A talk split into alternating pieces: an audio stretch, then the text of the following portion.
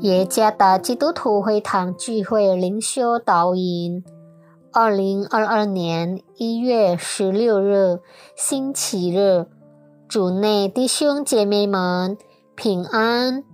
今天的灵修导引，我们会借着圣经出埃及记第二章第二十三节到二十五节，来思想今天的主题。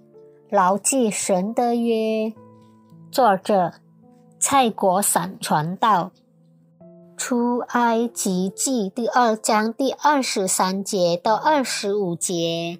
过了多年，埃及王死了，以色列人因做苦工，就叹息哀求，他们的哀声达于神，神听见他们的哀声，就纪念他与。亚伯拉罕、以撒、雅各所立的约，神看顾以色列人，也知道他的苦情。一些非常重要的事物，通常是最容易被记住的。一些非常重要的事物，会让一个人不考虑对自己的好处。人类会为要实施或保守的重要事物而战。例如，如果您认为父母生日的家庭聚会非常重要，那么您会优先考虑并让它成为最值得记住的事情。您甚至可以忽略其他可能会有利可图的事物。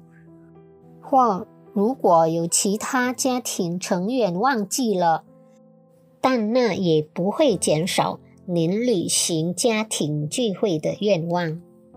相反的，如果您的家庭聚会被遗忘，并且没有优先考虑，那么这对您来说就不是很重要的事情了。在今天的灵修经文中。我们可以看到上帝对他的约的信实。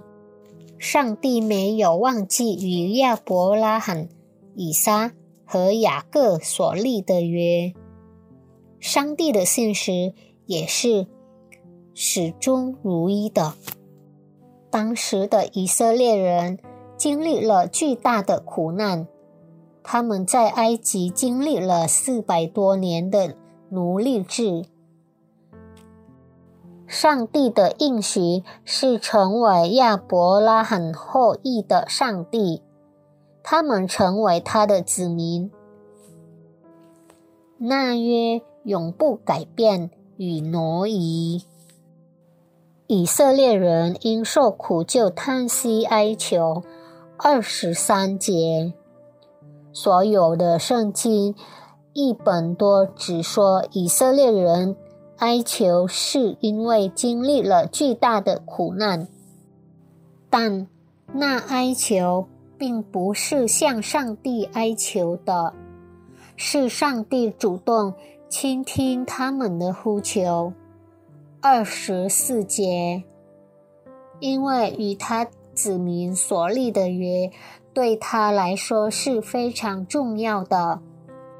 因为他的爱和信实永不改变，即便以色列人没有向他呼求，上帝也永记得他的约。上帝永不忘记他的约，就是已在耶稣基督里为我们所做的完美工作，不是因为我们很好。也不是因为我们总是把它放在首位，实际上，我们经常做相反的。我们经常忘记并忙于自己的烦恼，但是上帝的约是始终如一的，他不忘记我们，并且还关心我们的生活。上帝这个信实应该唤醒我们，我们不再认为自己是最重要的。相反的，我们需要意识到我们是多么的软弱，而他是多么的好。我们需要仰望他，并住在他里面，因为他是良善的，是现实的。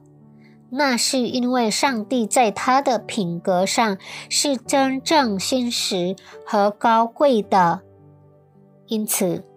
我们必须承认他的现实，并且要更加爱他。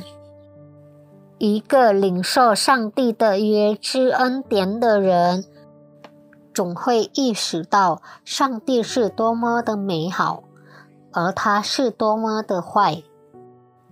愿上帝赐福大家。